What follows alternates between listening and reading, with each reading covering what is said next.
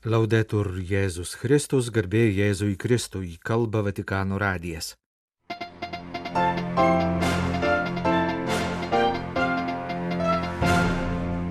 Popiežiaus maldos intencija kovo mėnesiui už išnaudojimo aukas. Los Andželė penktadienį laidojamas prieš keletą dienų nužudytas vyskupas. Nikaragvos režimas tęsia katalikų persekiojimus. Argentinoje pradėtas naujas tyrimas dėl prieš kelis dešimtmečius neaiškiomis aplinkybėmis mirusio vyskupo. Nesiliauja smurtas Burkina Faze. Laidos pabaigoje kalbėsime apie ukrainiečių šeimą pabėgusią iš Donbaso ir jos likimą. Popiežius Pranciškus prašo kovo mėnesį kartu su juo melstis už lytinio išnaudojimo aukas. Ante los abusos especialmente los cometidos por miembros de la Iglesia, no basta pedir perdón. Susidūrus su lytiniu išnaudojimu, ypač jei išnaudotojai yra bažnyčios žmonės, nepakanka prašyti atleidimo. Prašyti atleidimo būtina, bet to nepakanka. Atleidimo prašymas yra reikalingas, tačiau pirmiausia reikia rūpintis išnaudojimo aukomis. Jų skausmas ir patirta psichologinė žala pradės gyti, jei jie matys konkrečius veiksmus, siekimą atsilyginti už skriaudas ir užtikrinti, kad jos nesikartotų. Bažnyčia negali slėpti išnaudojimų tragedijos. Negalima slėpti ir išnaudojimo šeimose, būreliuose, kitose institucijose. Bažnyčia turi būti pavyzdys, turi padėti šiuos nusikaltimus spręsti visuomenėje ir šeimose iškelti juos į dienos šviesą. Bažnyčia turi sukurti saugią erdvę, kurioje būtų galima išklausyti aukas, palydėti psichologiškai ir apsaugoti. Oremos por los que sufren a causa del mal recibido por parte de los miembros de la comunidad eclesial. Melskime už tuos, kurie kenčia dėl blogio patirto iš bažnytinės bendruomenės narių kad jie pačioje bažnyčioje rastų konkretų atsaką į savo skausmą ir kančią. Kovo 3-ąją į Angelų Dievo motinos katedros kriptą bus padėti Los Andželo vyskupo auxiliaro Davido O'Connello palaikai. Jis buvo nužudytas vasario 18-ąją. Tris dienas nuo kovo pirmosios iki kovo trečiosios už Velionį Angelų Dievo motinos katedroje aukojamos gedulingos mišios. Jų metu ketvirtadienį perskaityta popiežiaus užuojautos telegrama Los Andželo ganytojoje arkivyskupai Jose Gomizoje adresuotoje popiežiaus valstybės sekretoriaus Pietro Parulino telegramoje perdodama Pranciškaus užuojautą arkiviskupijos dvasininkams, vienuoliams ir tikintiesiems dėl tragiškos vyskupo mirties dėkojama už nuoširdų ir atsidavusi vyskupo Okonelo darbą, ypač tarp vargstančiųjų ir migrantų, už pastangas ginti Dievo dovanotos žmogiškos gyvybės šventumą ir orumą, už artumą savo bendruomenės žmonėms. Popiežius taip pat meldžia priduriamą telegramoje už tai, kad visi atėję pagerbti vyskupo ir jį patikėti Dievo gailestingumai, ryštingai atmestų prievartą ir blogį įveiktų gerumo. Galima pridurti, kad Los Andželo vyskupo auxiliarų žudikas buvo greitai surastas ir areštuotas. Pasak teisės saugos pareigūnų, tai vyskupo namų priklausiusių arkiviskupijai tvarkytojos sutoktinis - 61 metų amžiaus vyras. Jis pripažino įvykdęs nusikaltimą, tačiau jo išvardinti motyvai pasak vieno prokuroro, netrodo rišlus. Tikimasi daugiau aiškumo ateityje. Daug kas paminėjo, jog nužudytasis ganytojas gimęs Airijoje, tačiau kunigystės šventimus gavęs Los Andželę ir visą gyvenime dirbęs šiame mieste, atliko savo pareigas parapijose. Taip pat po 2015 popiežiaus pranciškaus paskirimo vyskupu, kurios apėmė sudėtingus kvartalus, kuriuose netrūko kriminalinių gaujų, smurto, skurdo, nulatinės įtampos tarp kvartalo gyventojų ir policijos, kuri keletą kartų virto tikromis ir krovinomis riaušėmis. Šiame kontekste vyskupas tengiasi būti taikytojų, tarpininkų, ramintojų, siekiančių prievartos keliui pasiūlyti kitas alternatyvas. Danieliaus Ortegos režimas valdantis Nikaragvą nesiliauja ieškojęs prūgų įgelti katalikų bažnyčiai, vienai iš didesnių visuomenės jėgų, kurios jis negali palengti taip, kaip palenkė teisėjai saugą parlamentą ar kariuomenę. Vienas iš paskutinių režimo žingsnių - viešų gavėnios ir Velykų procesijų uždraudimas.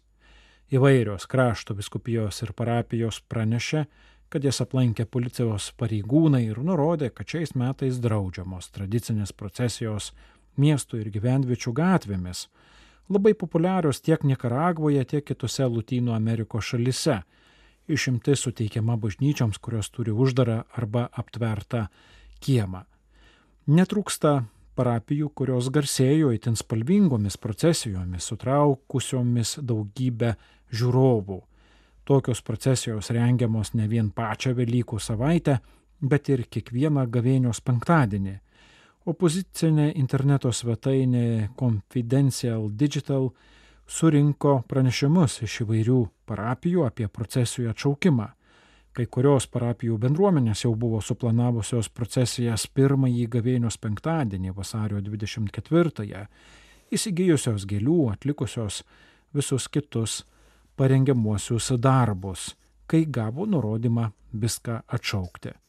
Interneto svetainėje cituojamas vienas parapietis, kuris taikliai pastebi, kad režimas tarsi vėl stengiasi įkalinti Kristų, panašiai kaip per Velykas prieš 2000 metų.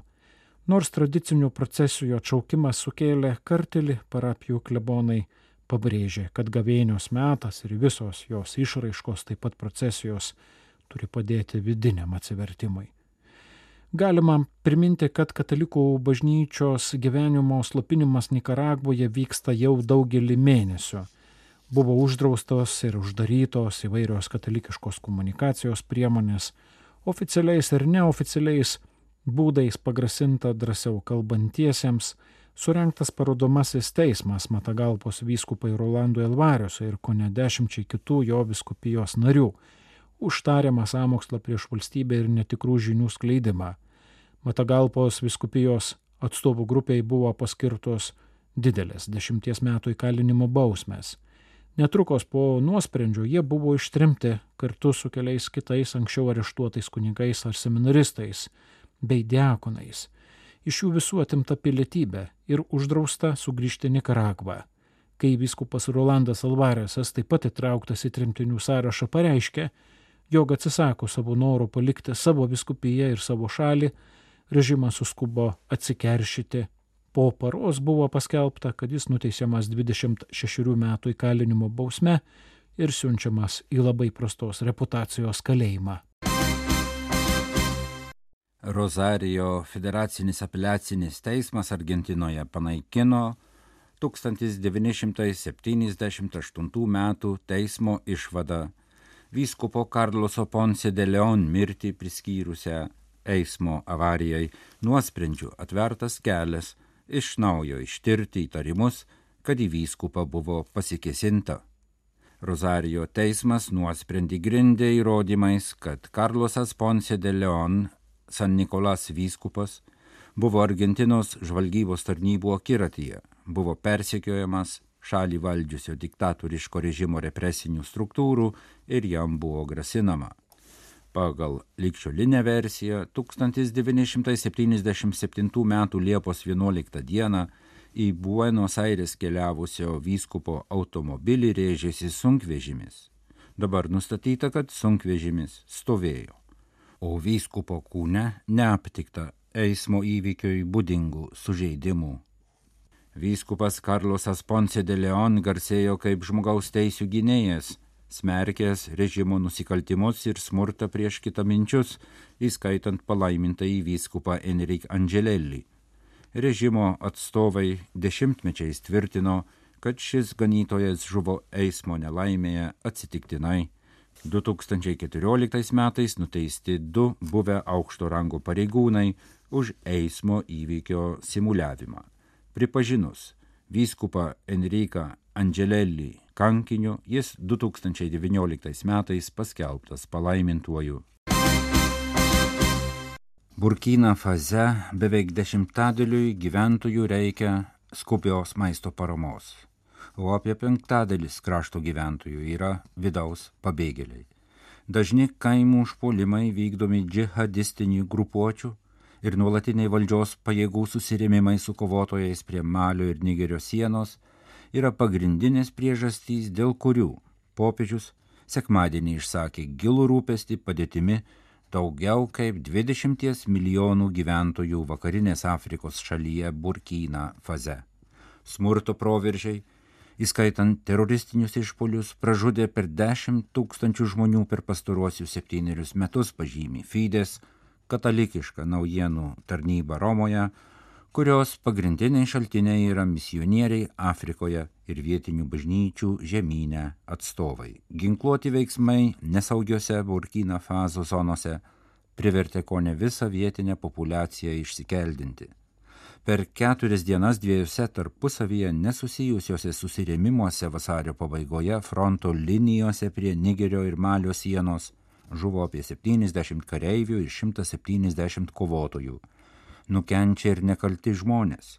Užpuolimas vasario mėnesį Senakadūgų kaime, Kosio provincijoje, privertė visus gyventojus išsilakstyti. Motociklais atvažiavę užpuolikai padegė kaimą, iš kurio praktiškai neliko nieko. Žuvo 13 žmonių ir sužeista 6. Burkina Faso ir Nigerio viskupų konferencija paragino savo kraštiečius solidarizuotis su visais kenčiančiais dėl primesto neteisingo karo ir kiek įmanoma kovoti su terorizmu ir visomis dramatiškomis jo pasiekmėmis. Popiežius sekmadienį prašė tikinčiųjų melstis už Burkina Faso gyventojus, kad smurto ištikti žmonės neprarastų pasitikėjimo demokratijos teisingumo ir taikos keliu.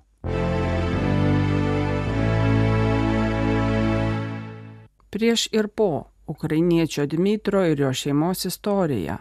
Su žmona gyvenome Severodonetsko mieste Luhansko srityje.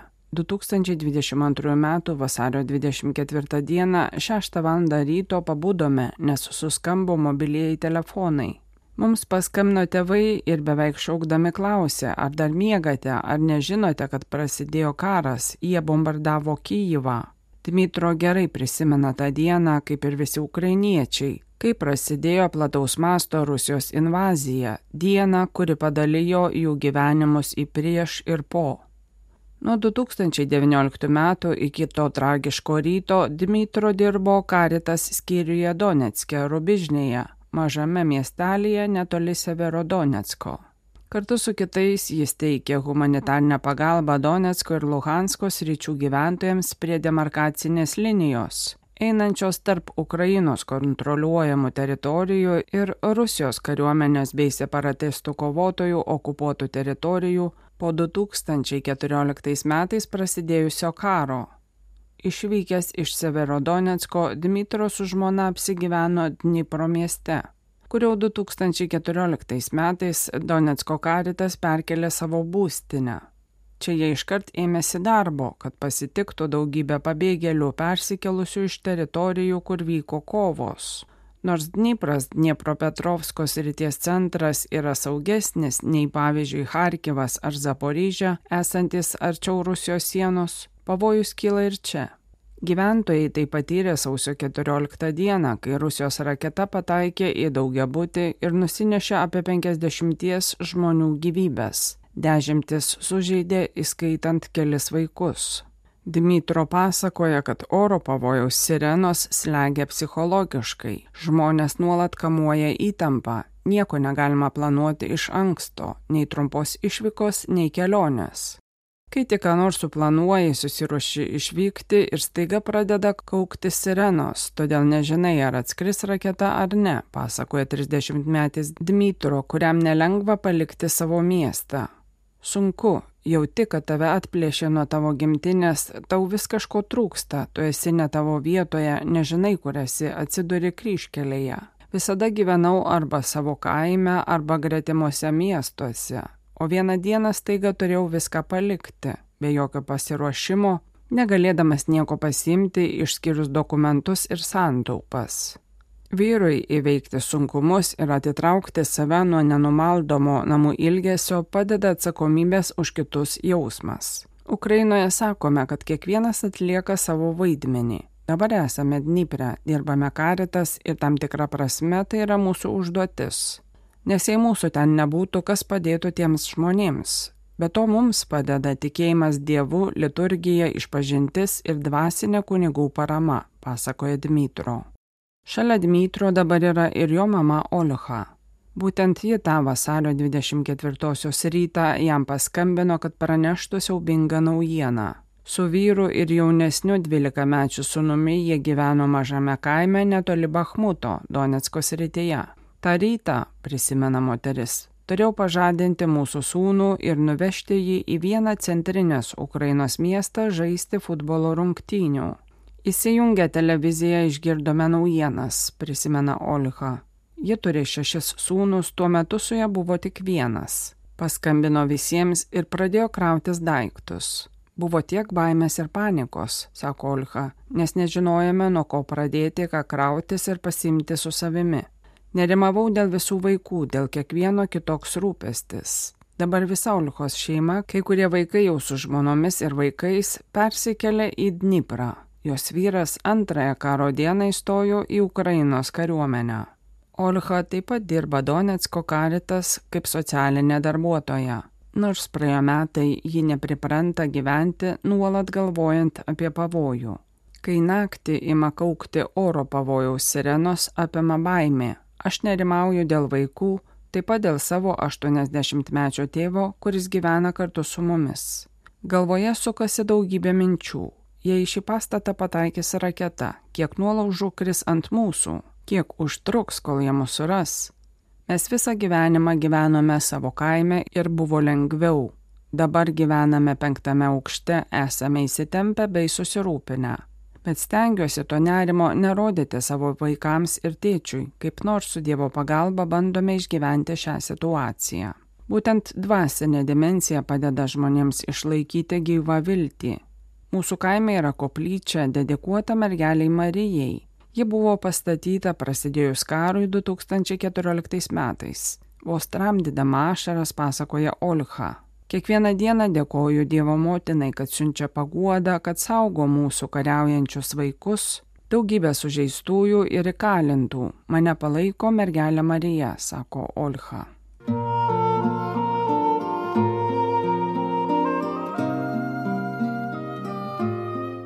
Kalba Vatikano radijas. Mėlyjeji klausytojai, primename, kad Vatikano radijo laidų jūs galite klausytis ne tik per Lietuvos radio kanalą Klasika ir Marijos radiją, bet ir per mūsų interneto radiją, kurio galima klausytis mūsų interneto portale. Vatikano radio lietuviškasis kanalas veikia visą parą be pertraukos. Jo laidų tinklelyje žinios lietuvių kalba, liturginės valandos, rožinio malda, mišios lotynų kalba ir klasikinė muzika. Primename mūsų interneto portalo adresą vaticannews.va lt. Jūs klausėtės Vatikano radio žinių laidos lietuvių kalba. Atsisveikiname iki rytojaus. Laudetur Jėzus Kristus.